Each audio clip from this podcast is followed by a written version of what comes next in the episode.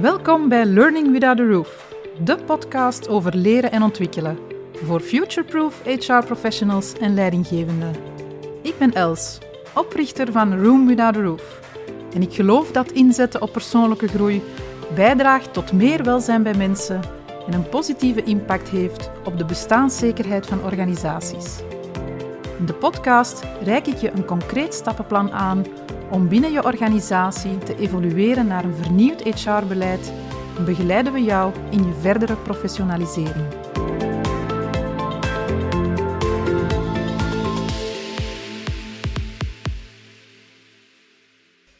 Welkom in deze nieuwe aflevering van Learning Without a Roof. In de voorbije afleveringen had ik het samen met mijn gastsprekers over hoe je je leven, je loopbaan en je persoonlijke ontwikkeling meer in handen kan nemen. De juiste mindset hebben, je talenten kennen en de nodige portie lef en durf kunnen je helpen om een volgende stap richting je doel te zetten. Maar uit eigen ervaring weet ik dat er nog een belangrijk iets is waarmee je rekening moet houden. Want zelfs als je leeft en werkt vanuit een groeimindset, vanuit jouw talenten, bestaat er nog steeds een kans dat je jezelf voorbij houdt. Vandaag rekenen we jullie dan ook graag tips en tricks aan over zelfzorg, over grenzen stellen en over hoe je je energie in balans kan houden. Mijn gastspreker van vandaag en experte zelfzorg is Sharon van Asbroek. Welkom Sharon. Dankjewel. Sharon, jij bent criminologe van opleiding en ondertussen heb je meer dan 15 jaar ervaring als preventieadviseur psychosociale aspecten.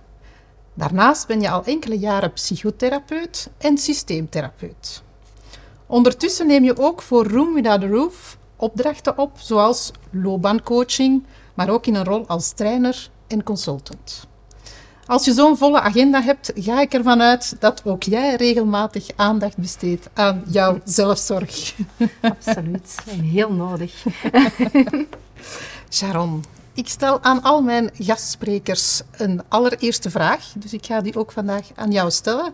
En die vraag is: wat is jouw meest memorabele leermoment?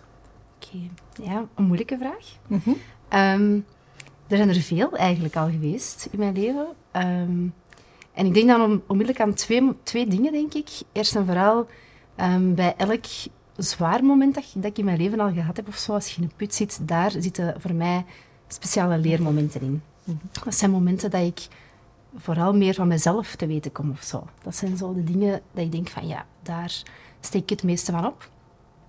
En daarnaast, ja, ik zit eigenlijk heel graag in een leercontext. Ik heb altijd graag gestudeerd. Ik heb altijd graag um, de nieuwe geweest, nog altijd trouwens. Ik mhm. ga graag naar opleidingen en trainingen. Ehm, maar als ik zo kijk naar mijn studententijd, wat mij het meest is bijgebleven, is eigenlijk op de middelbare school mijn leerkracht zedeleer. Oké. Voor mij is dat um, een voorbeeld geweest of zo, die man. en ik heb ooit uh, gezegd van oké, ik wil zelf leraar zedeleer worden. Net omdat ik het zo fijn vond om in zijn lessen te zitten. Mm -hmm. En um, hij inspireerde mij vooral heel erg. Um, dat ging vaak over maatschappelijke thema's. Um, we, dan, we, mochten, we deden nooit geen examens, ook niet. Dat waren altijd eindwerkjes. Mm -hmm. dus en dat was ook wel fijn, want dan mochten we zelf in thema's gaan duiken en er iets mee doen. En het meest memorabele was dat we ooit een hele rechtszaak hebben opgezet. Um, waarbij er echt iemand magistraat was, iemand advocaat, iemand, um, ja, dus de rechter, maar ook de openbare aanklager met getuigen erbij. Allee, alles erop en eraan. Dus we leren daar echt argumenteren eigenlijk en uh, voor uw zaak gaan staan. En dat was wel heel fijn om te doen. Oké, okay, wat was jouw rol? Welke had jij? Weet je dat nog? Ik weet het niet gewoon niet meer. Ik weet dat we dat gedaan hebben, maar ik vermoed dat ik advocaat was. Er is tegen mij altijd gezegd al van jongs af aan, je moet ofwel op de markt gaan staan ofwel advocaat worden, omdat ik te veel babbelde. Oké. Maar ik heb jou zo niet kunnen voorstellen. Hè? Nog advocatuur, nee, als op de markt, uh, is vandaag al in jouw loopbaan. Maar het kan nog komen misschien. Hè? Ja, ik heb um, iets ertussen gekozen. Criminologie okay. was eigenlijk een keuze van het, het leukste recht, mhm. strafrecht. Mm -hmm. En psychologie en sociologie, van alles een beetje. dat okay. vond ik het fijnste. Okay. Dus klopt. Okay. Ja. Hoe kijk jij naar, naar persoonlijke ontwikkeling, Sharon? Persoonlijke ontwikkeling, ja. Voor mij gaat dat inderdaad over... Ja, vooral gaan kijken naar wie zijt je? Jezelf leren kennen. Ik, ik merk heel hard ehm, in mijn praktijk, maar evengoed bij mezelf, bij mijn partner, bij vrienden en vriendinnen, dat die heel vaak zich afvragen wie ben ik nu eigenlijk zo. En dat dat een beetje de zoektocht is naar wie ben ik. En dat is voor mij persoonlijke ontwikkeling. En die stopt ook nooit. Ik denk dat die doorgaat tot het einde van je leven. Ja, ja. ja, want eh, je hebt al heel veel dingen gedaan. Hè, als ik het hier aan het opnoemen was. En ik heb niet alles gezegd. Hè, er zijn nog wel zaken die je tussendoor zal doen. Uh, je hebt al heel veel opgepikt om misschien vanuit een, zo, ja, vanuit een, een echt een opleiding hè, een, een, rol te gaan opnemen. Hè. Maar als je nu loopbaancoach bent of trainer, hè, dat zit toch vaak wat tussen de ervaringen die je opgedaan hebt uh, op de schoolbanken of, of in een opleiding, denk ik, hè, toch? Dat klopt, ja. Ja, iets wat ik nog een tijd geleden ontdekt heb, is dat ik misschien, ja, hoe noemt dat dan, multipotentialite, creatieve generalist of zo ben. Ik ben nergens echt specialist in en dat is al vanuit mijn studie criminologie eigenlijk ontstaan, dat ik niet zo in één thema heel diep ga, maar dat ik in zoveel dingen geïnteresseerd ben en dat ik dan van alles wat proef of probeer. En training geven, ja, zo groei ik vind dat dat er wel een stuk in zit. Hè. Als je zegt, het zit er niet in, ik vind dat een stuk wel. Hè, want ik, ik heb criminologie gestudeerd, ik wil dan met maatschappelijke thema's bezig mhm. zijn. Met groei, dat zit daar voor mij ook in, in die maatschappelijke thema's. Ehm, groei van gedetineerden, maar evengoed groei van andere mensen. Mm ik weet nog, dat het zit er waarschijnlijk altijd al een beetje in, dat ooit iemand waar ik mee naar de bus wandelde elke ochtend... Mm een aantal jaar later tegen mij zei, Sharon, ik heb dat nog onthouden, ik voelde me niet goed. En jij hebt toen gezegd, je moet elke ochtend eens voor de spiegel staan en zeggen wat je wel goed vindt aan jezelf. Mhm. Of zoiets. en had ik toen, als ik dan, hoe oud was ik dan, 13, 14 jaar of zo, tegen dat meisje gezegd. En die had dat onthouden. Als volwassen vrouw kwam die daarop terug. Dus ik denk dat dat er wel altijd al een stukje in zat. Ehm, dus vandaar ja, die groei, training, maar evengoed, therapie is ook mensen zien groeien. Ja, ja. Oh, fantastisch.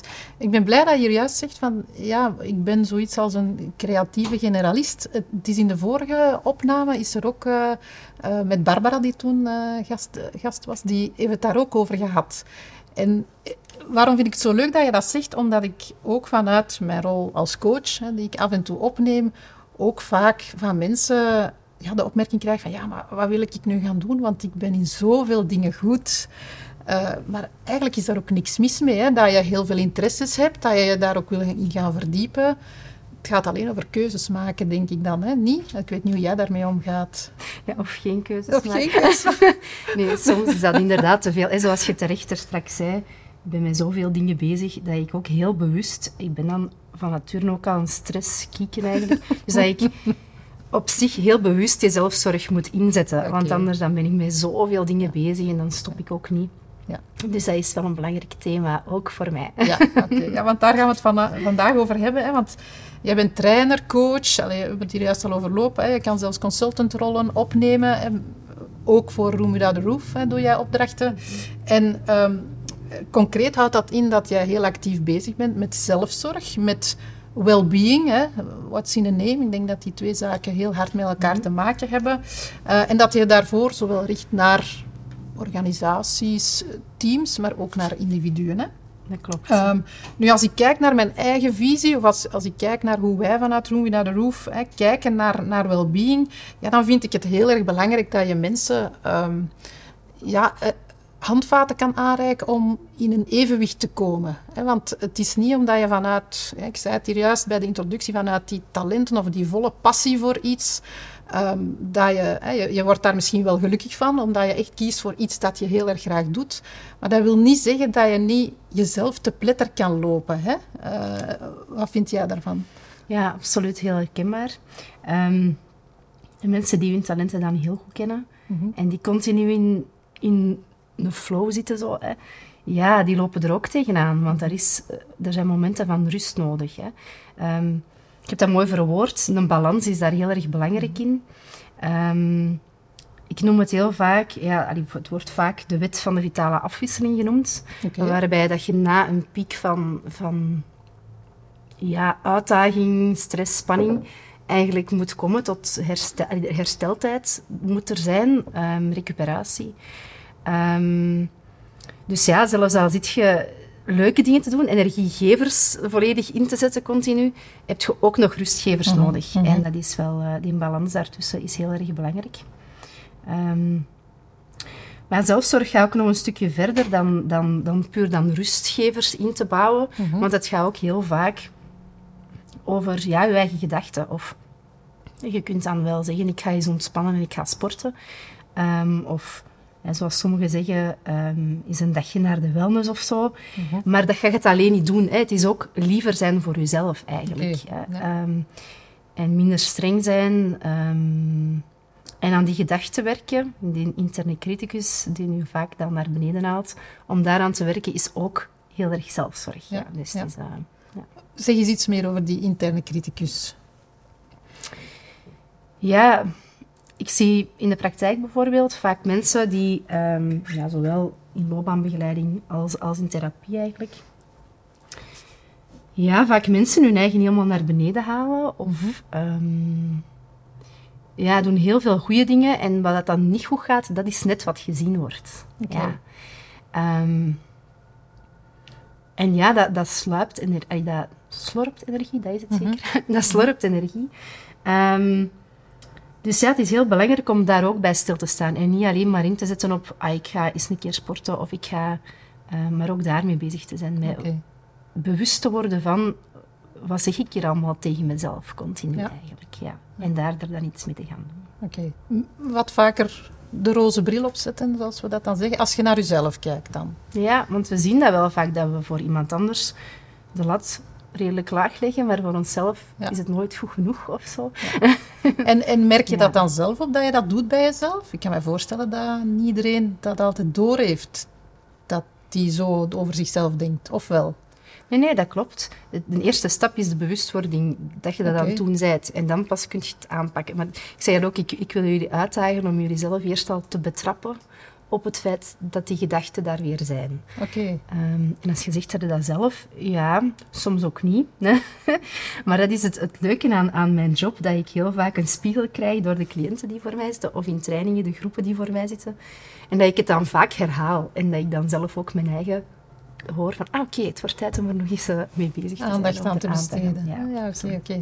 Eh, Wat is zo'n tip eh, om mensen bewust te laten worden van je bent wat negatief tegen jezelf aan het praten? Kun je, hoe kan je dat van jezelf ontdekken eigenlijk? Zonder hulp van iemand. Ja, het, belangrijkste is eigenlijk, je voelt je meestal eerst slecht. Eerst komt er een bepaald gevoel, Ja, je voelt je niet goed. oké. En dan kun je, is het belangrijk om dan even stil te staan bij hoe komt dat nu? Wat is er dan gebeurd? En hoe heb ik dat dan geïnterpreteerd? Hoe heb ik dan tegen mezelf gezegd? Hè? En ik haal vaak zo een 5G-schema. Heb je daar ooit al van gehoord? Ehm, ja, dat is eigenlijk gedragstherapie. En ik ben geen gedragstherapeut, maar dat schema gebruik ik wel af en toe. Mhm. Ehm, waarbij dat er wordt gekeken naar, eh, er is een gebeurtenis, welk gevoel, dus het zijn de vijf G's, een Ja. gebeurtenis, er is een gevoel dat je daarbij krijgt. Welke gedachten komen er in je op en hoe gedraagt je u dan? Mhm. hè? En ehm, dan heb je nog het gevolg op korte termijn en op lange termijn. Ehm, maar het idee is dat je vooral een invloed hebt op je gedachten en op je gedrag en dat gevoel volgt daaruit. En daar kun je dan eerst al bewust van worden, om dan een keer uit te schrijven voor jezelf, of dan een keer mee bezig te zijn van, wat, wat is dat eigenlijk, wat ik hier dat tegen mezelf zit te zeggen. Oké. En dan dat aanpakken. Ja. Wat, wat bij mij soms helpt, ik ben redelijk positief ingesteld, maar dat, dat, dat helpt ook omdat ik een coach heb hè, die mij daar ook wel in helpt. Maar wat mij soms helpt is ook zo die positieve quotes hè, waar je naar kijkt en dan denkt van, ah, maar wat ik doe is eigenlijk al goed genoeg. Eh, Is dat iets dat helpt? Zie je Absoluut, dat, ja. eh? Ik, ik hoor u dan precies zoals spreken over affirmaties. Ja, of, zoiets. Ja, ja, ja. Ja, hè, waar dan inderdaad ehm, ook, ook heel, heel goed kan op ingezet worden. Ehm, belangrijk daarbij is dat je affirmaties nog niet te ver liggen van waar je nu zit. Want anders gaat je Ah. brein, daar, gaat je daar eigenlijk tegen in protest. Dus als we zeggen, ah, ik, ik ga hier eh, de beste zijn en of ik... ehm, ik ga morgen 20 miljoen eh, verdiend hebben, of ik weet niet wat, dan gaat je lijf en je brein zoiets hebben, nee, deze kan niet. Hè? Dus je gaat daar volledig tegen in protest. Wat belangrijk is, is dat die affirmaties maar één stap verder gaan. Bijvoorbeeld zeggen van, ah, ik, ben, ik ben goede stappen aan het zetten om daar te geraken. Of ik ben de, ik ben de juiste dingen aan het doen op dit moment. meer op dat proces misschien zo, dan dat je echt zo mega ambitie. Ja. ik heb al veel podcasts mogen opnemen, Sharon. ik dacht ik heb al veel geleerd. ik dacht onmiddellijk aan een podcast dat, dat, dat, ik net beluisterd heb, waar het daar ook over ging, hè, over die groeimindset. Um, de podcast van Soraya, denk je dat het was. klopt. Waarin er werd gezegd van, het is belangrijk om het proces daar eigenlijk complimenten op te geven of daar um, in te bevestigen. En, en dat klopt, dat is eigenlijk hetzelfde met die affirmaties. Dus ook naar uzelf toe is het belangrijk om naar de volgende stap. Ik ga daar, dat ga ik doen en dat gaat mij lukken. Maar niet al twintig stappen verder, want dan gaat je het niet geloven en dan werk, werken ze niet. Ja, Onze voelsprieten zijn daar toch alert voor, voor iets dat we ze wijs maken dan. Hè? Ja. Dus het moet realistisch zijn. Oké. Ehm, Sharon, jij, jij, begeleidt ook organisaties, hè, of binnen organisatiecontexten zet jij ook in op dat zelfzorggegeven of op dat well-being verhaal. Ehm, hoe, hoe, hoe gebeurt dat? Eh, welke stappen worden er zo gezet als een organisatie uh, daar meer mee aan de slag wil gaan? Ja. Ja, het, belangrijkste binnen een organisatie is om uh, met welzijn of psychosociaal welzijn om te gaan is vooral dat er um, dat, dat een gedeelde verantwoordelijkheid is.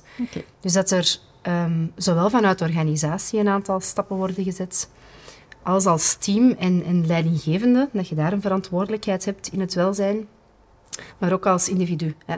Dus dat er eigenlijk op, al, op die drie niveaus wordt ingezet. Mm -hmm. Daarnaast ja, is het ook belangrijk om niet zomaar losse acties te doen. Hè, want ik hoor dan bedrijven soms zeggen, ah, komt hier een keer een workshop gezonde veerkracht geven. En dan gaan we in een team gezonde veerkracht geven. Tegelijk wordt dan de boodschap een stuk gegeven aan die medewerkers van, het ligt hier alleen aan ons en wij moeten hier aan onze veerkracht werken. Maar, hè, en dan komt er weerstand natuurlijk, want dat loopt mis, dat loopt mis. Um, er zijn structureel een aantal dingen die niet, die niet juist zijn. Um, dus het is belangrijk dat dat in een, in een beleid wordt, wordt ondersteund of opgevangen. Mhm. Ehm, dus dat dat niet zomaar een losse actie een keer komt van nu gaan we eens een workshop gezonde mhm. veerkracht doen. Mhm. Maar dat dat structureel wordt aangepakt. Oké, dat beleid vind je belangrijk, hè, zeg je. Uh, wat vind jij dan van de pingpongtafels en de fruitmanden die voorzien worden? Ehm, ja, niet zo heel goed. Allee, jawel, jawel. Ik, ik, mag niet zeggen niet goed. Jawel. Ik, zeker zo'n fruitmand is, is goed dat dat daar staat. Um, ook tof dat je tijdens je pauze een keer kunt pingpongen of, of een, uh, een yogasessie kunt doen. Absoluut. Mhm. Mhm. Alleen mag het niet alleen dat zijn. Mhm. En dat zie ik soms wel in bedrijven. En dan heeft het eigenlijk het tegenovergestelde effect of zo. Ja. ja. Ehm, ja, dan hoort je de frustraties bij medewerkers die dan um, klagen over daar is dan allemaal geld voor. Okay. zo komt dan de weerstand. Hè. Zo, oh, we gaan een kei cool teambuilding doen, of weet ik veel wat. Maar zouden beter dat eens aanpakken. Hè. Ja. Um, dus het is, het is belangrijk dat er naast die leuke dingen vooral ook structureel wordt gekeken. Wat, wat heeft onze organisatie hier nodig? Ja. Um, wat loopt, wat loopt er hier goed, niet goed? Welke processen lopen goed? Zitten de mensen op de juiste plaats? Krijgen die energie van hun job? Mm -hmm. kunnen die hun talenten inzetten? Allee, mhm. Al die dingen waar het al vaak over gaat zit ondertussen. Dat, dat zijn belangrijke zaken om mee in dat welzijnsbeleid op te nemen. Want mensen gaan zich anders niet goed voelen door gewoon één yogales te mogen doen. Ja, klopt. En we doen er wel lacherig over, hè, over die pingpongtafel. Ik weet dat ik er zelf ook vaak in presentaties al over gesproken heb. En, en als puur alleen dat is, hè, dat het meer als een labmiddeltje wordt gezien. Uh, op niveau van well-being, maar soms is dat gewoon ook omdat dat fun is. Hè, en op zich is daar niks mis mee. Hè. Maar als we het e-, echt hebben over well-being, over zelfzorg hè, van medewerkers, ja, dan mag het wat meer in-depth zijn, hè, zoals jij zegt. Ja, uh, En dan, ik weet, hè, jij, jij kan uh, een soort bevraging doen of een soort scan gaan maken van wat is hier nu de stand van zaken in de organisatie. Ja, dat is eigenlijk de belangrijkste eerste stap. Ehm, nu, je zei daar straks, ik heb ongeveer 15 jaar ervaring als preventieadviseur, mhm. psychosociale aspecten. En daar wordt zo'n scan dan genoemd um, een risicoanalyse voor psychosociale risico's. Ja. Ehm, dus dat is een beetje de start om te gaan bevragen wat gaat er al goed en eh, wat eigenlijk nog niet. Maar ook dat stukje wat gaat er wel al goed, hè, want dat wordt vaak vergeten. Dan gaan ze gaan inzetten op de moeilijke dingen. Maar wat al goed gaat, ja, dat is eigenlijk belangrijk dat daar ook blijvend in geïnvesteerd wordt. Ehm, en zo'n bevraging, ja, dat kan op verschillende manieren gebeuren. Heel vaak is dat een enquête of zo. Maar ik ben meer voorstander van een kwalitatieve methode. Okay. Omdat je dan echt eh, mensen gaat bevragen en kunt luisteren en doorvragen. Wat bedoelde dan exact? Want dikwijls zien we dan cijfers en er scoren een aantal dingen rood. Maar dan is dat nog altijd niet duidelijk waarover dat dan gaat of wat dat dan exact is. Ehm, en ja, ook daar zie ik bedrijven dat op verschillende manieren aanpakken. Um, want je kunt een bevraging doen over een, het ganse bedrijf, maar je zou ook kunnen zeggen, we gaan team per team um, zo'n bevraging doen, omdat er dan teamgebonden risico's zitten, mm psychosociale risico's, die dan kunnen aangepakt worden. En na een aantal groepjes ga je ook wel organisatiemaatregelen uh, vinden, uiteraard, die, die belangrijk zijn. Um, dus ja, op die manier is dat eigenlijk de start. Um, wat wel nog belangrijk is, want dat is nog een, nog een goede kanttekening, denk ik, is dat zo'n bevraging niet het doel op zich mag zijn. Okay. Dat is het middel om mm nadien echt een, een, een welzijnsbeleid... Ja, plan op te maken. plan op te maken. En ja, dat plan is ook niet alleen maar het doel. Het uitvoeren dan uiteraard ook. Uh, maar we zien vaak in bedrijven dat ze, omdat het wettelijk verplicht is, -hmm. volgens de welzijnswet, zo'n risicoanalyse doen, maar dat belandt dan in de kast. Oké. Okay. En ja, dat zorgt eigenlijk voor meer frustraties bij mensen. Want als je mensen bevraagt, creëert je verwachtingen. Mm um, dus ja, als er daar niks mee gebeurt, dan worden die frustraties alleen maar erger en groter. Dus dat is wel iets heel belangrijk voordat dat een bedrijf daarmee start. Dat het heel duidelijk is dat het vervolg wel nodig is. Dus dat, mm er, dat er nadien wel iets volgt. Maar het voordeel vind ik dan wel, het feit dat je dat vanuit een wettelijke verplichting, die risicoanalyse, dat je dat toch moet gaan doen, ja, dat is eigenlijk twee vliegen in een klap. Want je moet het toch doen, je hebt de bevraging gedaan en je kan dan tegelijk ook gaan kijken naar wat zijn hier de ideale well-being actiepunten die wij kunnen gaan opnemen. Absoluut. Het is niet dat je die risicoanalyse moet doen en dan daarnaast nog eens een andere bevraging om dan in het kader van well-being uh, aan de slag te gaan. Je kan eigenlijk die twee in elkaar integreren. Ja, absoluut. Want over bevragen is ook niet goed. Hè? Dus mm er wordt in de wet ook niks gezegd hoe vaak dat je moet gaan bevragen. Um, maar we altijd aan om de vijf jaar ongeveer, omdat je dan een um, ja, globaal preventieplan moet maken en een jaaractieplan. En dan kun je dat eigenlijk um, om de vijf jaar in je globaal preventieplan opnieuw bevragen en daar, daarin gaan zetten. Mm maar in veel bedrijven zit je daartussen dan nog van die surveys en tevredenheidsenquêtes. En, en eigenlijk ja, zorgt dat voor... Mensen vullen dat ook niet graag niet meer in. Ah, weer zo is uh, en er is nog niks mee gebeurd. Hè. Terwijl er soms wel wat dingen gebeurd zijn, maar dat de communicatie niet goed genoeg gedaan is, waardoor eh, de medewerkers niet linken dat die acties eigenlijk komen door die bevraging. Um, dus, dus het is veel nuttiger om dat maar één keer te doen en allemaal dan het drie keer te doen en uh, daarmee aan de slag. Ja. Ja. jij zegt idealiter, of misschien vanuit de wet, is het om de vijf jaar. Wat adviseer jij zo? Want uh, een, een start-up die heel snel groeit, hè, die na twee jaar met, uh, met 100 mensen zijn, ja, dat is anders dan een, een stabiele organisatie die om en bij een aantal uh, honderd mensen schommelt, bijvoorbeeld. Hè. Ja. Vanuit jouw ervaring, wat adviseer je daarin? Goh, het is goed dat je die vraag stelt, want het lijkt mij nuttig om, om dat afhankelijk van welk soort bedrijf het is, mhm. daarop, uh, daarop af te stemmen. Nu, in grote organisaties zou ik echt om de vijf jaar mm um, adviseren, maar, maar het hoeft niet ene, in één keer heel de organisatie te zijn. Je zou dan kunnen zeggen van we doen twee teams dit jaar, volgend jaar doen we uh, twee andere teams. Um, en onmiddellijk de acties er, er dan, dan achter ook. Hè. Je kunt wel een aantal quick wins doen, maar er zijn ook een aantal zaken die langere tijd gaan vragen. Um, dus moet je zelf ook de kans geven als organisatie om er iets mee te kunnen doen. Mm -hmm, um, als het een start-up is die heel snel groeit, um, dan zou ik het ook laten afhangen van wat hebben we al kunnen doen? Hoe ver zijn we al met, met de acties die komen uit de eerste bevraging?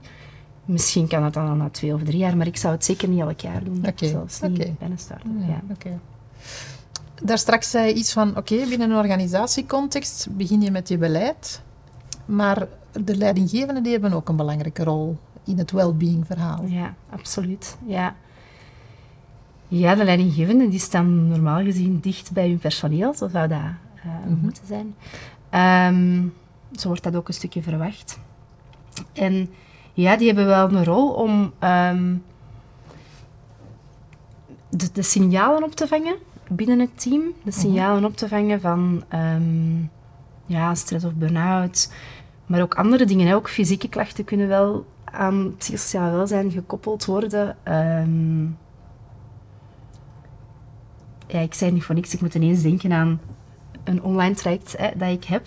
En in dat online traject heb ik het over zo gezegden zoals, oh, dat ligt wel zwaar op mijn maag, of um, daar, uh, daar is wel iets wat van mijn schouders valt, of zo. Dus er zijn wel heel veel fysieke klachten, die ook heel vaak aan psychosociale dingen gekoppeld kunnen zijn.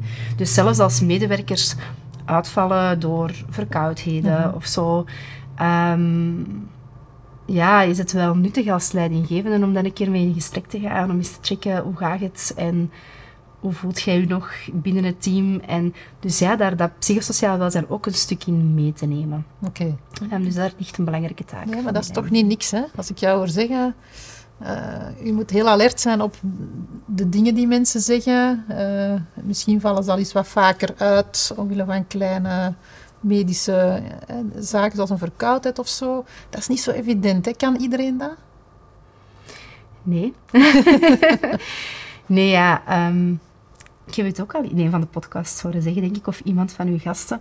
Heel vaak zijn leidinggevende experts, die zijn mhm. doorgegroeid omdat ze expert zijn in een technisch thema bijvoorbeeld, maar die niet per se leidinggevende um, capaciteiten hebben. Mm -hmm. um, dus zij kunnen daar zeker in ondersteund worden om, um, om ja, te leren hoe dat ze een beetje psycho-educatie al te krijgen. Wat is dat? Psychosociaal welzijn, wat is dat stress, wat is dat burn-out? Um, hoe kun je signalen opvangen en ook oefenen in die gespreksvoering. Van, van hoe pak je dan zo'n gesprek aan? Dus daar ligt zeker nog groeimarge ja. bij die leidinggevende. Ja, daar kan jij nog hulp bij bieden, hè Sharon? Uh, ja. En dan denk ik, uh, wat je daar straks ook zei, en dat vind ik zelf uh, ook een heel belangrijke, dat is natuurlijk dat zelfzorg op dat individueel niveau. Hè? Zoals we daar straks al zeiden, die positieve affirmaties, maar er zijn misschien nog dingen. Hè? Als we kijken naar een organisatiecontext, hoe kunnen we medewerkers meer alert maken voor hun persoonlijke zelfzorg? Ja, ja. daar zijn uh, verschillende opties, maar in bedrijven zouden we daar inderdaad als team mee aan de slag kunnen gaan. Omdat dat toch ook wel belangrijk is om um, elkaar daarin te ondersteunen. Mhm. um, ik weet nog, in het team waar ik ooit zat, vond ik dat heel fijn dat er een collega was die, um, die ook wel de grens voor ons wat bewaakte soms. En zei van, ah, ik merk dat of ik merk dat bij u. Dus ook elkaar kunnen ondersteunen. En natuurlijk heb je daar ook een stuk zelfverantwoordelijkheid in. Om, om die balans goed te houden waar we het in het begin over hadden. Mhm. En van, een stresspiek, oh tof, we hebben dat ook nodig um, om alert te zijn, om beter te presteren. Die adrenaline zorgt vaak dat we ja, meer kunnen dan, dan, dan anders. Dus dat is fijn om, om tegen een deadline aan goh, er volledig voor te gaan, als er nadien voldoende, voldoende recuperatie is. Mhm. En die recuperatie die is voor iedereen verschillend eigenlijk. Hè. Wat is daarvoor nodig? Um, ik ken mensen die graag gaan joggen. Ik doe dat zelf niet graag. ik ga graag dansen bijvoorbeeld. Ja, hè, dus dat zijn natuurlijk zaken, maar ook ja, wat, wat rust. Um, ik vraag heel vaak aan mensen om voor zichzelf op te schrijven wat zijn nu voor u energiegevers, wat zijn uw rustgevers. Mhm. en, en check dat eens de volgende weken. Hè. Voel dat een keer. Wat, is dat? Mhm. Ehm, en dan zit je grote verschillen. Maar soms zie je mensen ook dan dingen opschrijven zoals op vakantie gaan. En denk ik, ja, dat is tof. Maar als je, in het beste geval kun je drie keer op een jaar op reis. Dat is al veel. Hè. veel, mhm. veel mensen gaan maar één keer op een jaar op reis. Als je daarop moet teren de rest van het jaar, dan gaat je het niet halen. Hè. Dus er mhm. zijn... Het is nodig om kleine momentjes te zoeken, te vinden...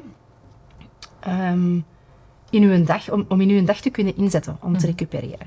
En dat zijn kleine, onnozele dingen. Um, bijvoorbeeld een mantra van mij is al uh, heel vaak tegen mezelf te zeggen, bijvoorbeeld van ik hoef nergens anders te zijn dan hier en nu. Omdat ik mij heel vaak zie, hè, zo betrap mezelf daar dan op, van, oh, ik ga snel het afwasmachine leegmaken. Of snel die was insteken. En je bent heel afgejaagd dat aan het doen. Mhm. Terwijl, als ik dan mezelf daarop betrap en zeg, oké, nee, moet nergens anders zijn dan nu hier. Ik ga dat op mijn gemakje doen. Heeft dat een heel ander gevoel. En het gaat niet trager. Het gaat ook niet sneller als je het afgejaagd doet. Mhm. Dat taakje is even snel afgerond en toch voelt je je veel rustiger, veel aangenamer. Um, en zo'n dingen kun je in de loop van je dag heel vaak doen. Um, we hadden ooit zo'n fruitmand. En ik liep bijna letterlijk mensen omver soms. Dat ik dacht, ik moet snel een appel gaan halen. En ik liep soms tegen mensen tegen, omdat ik snel was. En dan ging ik terug aan mijn computer zitten om die appel op te eten. Ik had hem nog niet geproefd, want ik ben met mijn gedachten eigenlijk iets anders aan het doen. Herkenbaar? Ja, ja, ja. ja. um, en ja, dan, dan zei de collega tegen mij, oh, dat is zo'n mindful momentje voor mij. En dan dacht ik, ah, een mindful momentje? Hoe dan? Ja, ik ga dan rustig mijn appel schillen. Um, ja, of rustig een appelsien schillen en die rustig opeten. En dan dacht ik, ah ja, zo kan het ook. Mhm. En op het einde van een dag heeft hij niet meer, alleen minder werk verzet. Want ik geloof erin dat je veel efficiënter werkt dan mhm. als je toch zo'n pauze kunt mhm. nemen. Um, dus dat zijn allemaal belangrijke dingen die, die en we weten dat allemaal, hè. Mhm. Maar je moet daar heel vaak opnieuw bewust van gemaakt worden. Of, of heel vaak aan herinnerd worden.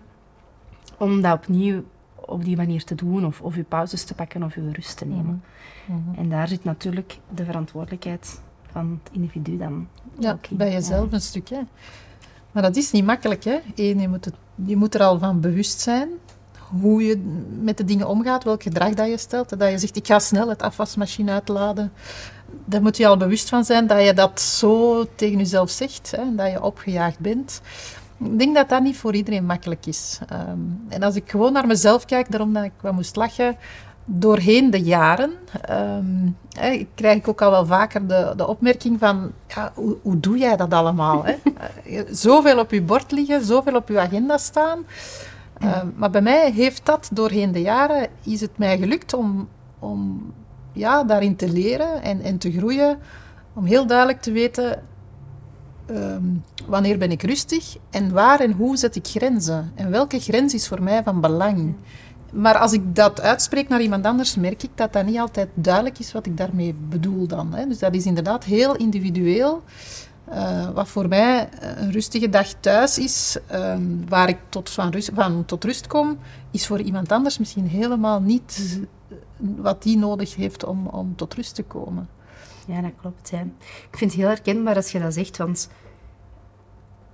heel veel van mijn cliënten, maar ook vriendinnen en ikzelf en mijn partner, wij stellen ons vaak die vraag zo van, hoe doen andere mensen dat toch? Mhm, hè? Mhm. Zo, al die ballen in de lucht houden, werken, kinderen, um, dan dat huishouden nog doen. Ja, hè? Hoe doen andere mensen dat toch?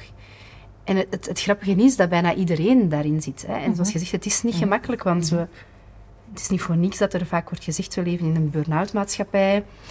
Ehm, borderline times. Allee, mhm. ehm, dus het is niet gemakkelijk om in zo'n maatschappij waar er heel veel gevraagd wordt of we continu geprikkeld worden, langs alle kanten geprikkeld worden, om daar die momenten te vinden of om dan voor jezelf op die rem te gaan staan. Mhm is voor heel veel mensen heel moeilijk. Hè? Mhm. Ook voor mezelf, maar voor heel veel anderen ook. Mhm. Dus alle hulp is daar denk ik altijd bij welkom. Hè? Ehm, ja, er zijn wel mensen die, die bij mij komen en dan zeggen, ja, hè, door, door als een therapeut, zoals je ook zegt, bij u, als je zelf naar een coach gaat of zo, ik, ik doe dat ook. Hè, en dan, dat is helpend voor mij, omdat je mhm. daar heel bewust er ook bij stilstaat. Mm je koopt een beetje tijd voor jezelf eigenlijk op dat moment. Ehm, het is spijtig dat we daar dat geld voor moeten betalen. We kunnen dat ook op een andere manier soms. Hè. Ehm, maar het, het, is zo, het is soms helpend nu als daar iemand bij zit die, uh, die u daarin kan ondersteunen. En dat kan als team, allee, als we nu terug naar organisaties zouden kijken, denk ik dat dat nuttig is dat we als team ook elkaar daar wat in beschermen, als leidinggevenden en ook uw medewerkers daarin beschermt. En daar ook een soort van voorbeeldrol in neemt. Want dat is ook niet altijd, niet altijd zo. Ehm, dat leidinggevende ook vaak nog om tien uur s'avonds mails zitten te sturen naar hun medewerkers. En de medewerkers dan voelen van, allee, zo ongewild een druk voelen van, dat wordt hier van mij ook verwacht. Dus ook zij hebben daar een voorbeeldrol in. Ehm, dus ik denk ja, dat er veel mensen zouden kunnen helpen, allemaal samen, om daar iets aan te doen. Ja. En die stroming is ook bezig, hè. Want je ziet veel meer mensen minder willen doen, willen vertragen. Mhm.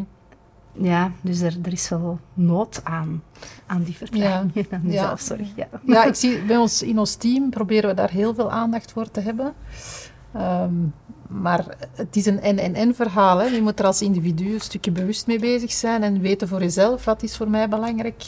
Daarnaast moet de omgeving er zich ook naartoe zetten. Hè. Dus daar proberen wij wel eh, heel hard op in te zetten, omdat ik dat net belangrijk vind. En ja, we hebben een beetje een maatschappij. Je geeft het voorbeeld van ah, de, de leidinggevende stuurt om tien uur nog een e-mail uit. Wat wil dat dan zeggen?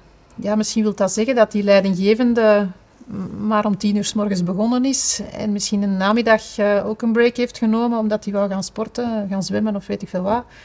En dan denkt van, goh, zo is dat dan bij mij soms. eh, om tien uur s'avonds liggen de kinderen in bed en heb ik de, de meest rustige moment van de dag en kan ik mij focussen. Eh, maar die wil daarom niet altijd zeggen, beste medewerkers, Mhm. eh, zorg er eens voor dat je tot tien uur al je mails nog beantwoordt. Maar ik kan me ook voorstellen dat er nog altijd wel contexten zijn waar dat laatste wel aan de orde is. Hè? Eh, vanuit allerlei redenen Mhm. die er dan hè, de aanzet toe geven. Ehm, maar ja, het is niet zo evident. Hè? Maar ehm, ja, het gaat er om over, denk ik, om ja, mensen rondom jou te zoeken. Het zij vanuit je team, hè? het zij vanuit een coach die jou kan helpen om dat wat ja, helder te krijgen misschien. Hè? Ik veronderstel dat dat de tip is eh, die we aan mensen kunnen geven. Absoluut, ja. Oké. Ja, ehm, Sharon, nog een laatste tip misschien die je nog aanvullend wil geven. Hè? Wat is de eerste stap? Als, als men- een luisteraar nu zegt, ja, het is tijd om wat meer met mijn zelfzorg bezig te zijn. Wat is de eerste stap die ze kunnen zetten? Eh, milder zijn voor jezelf, dat zou ik zeggen.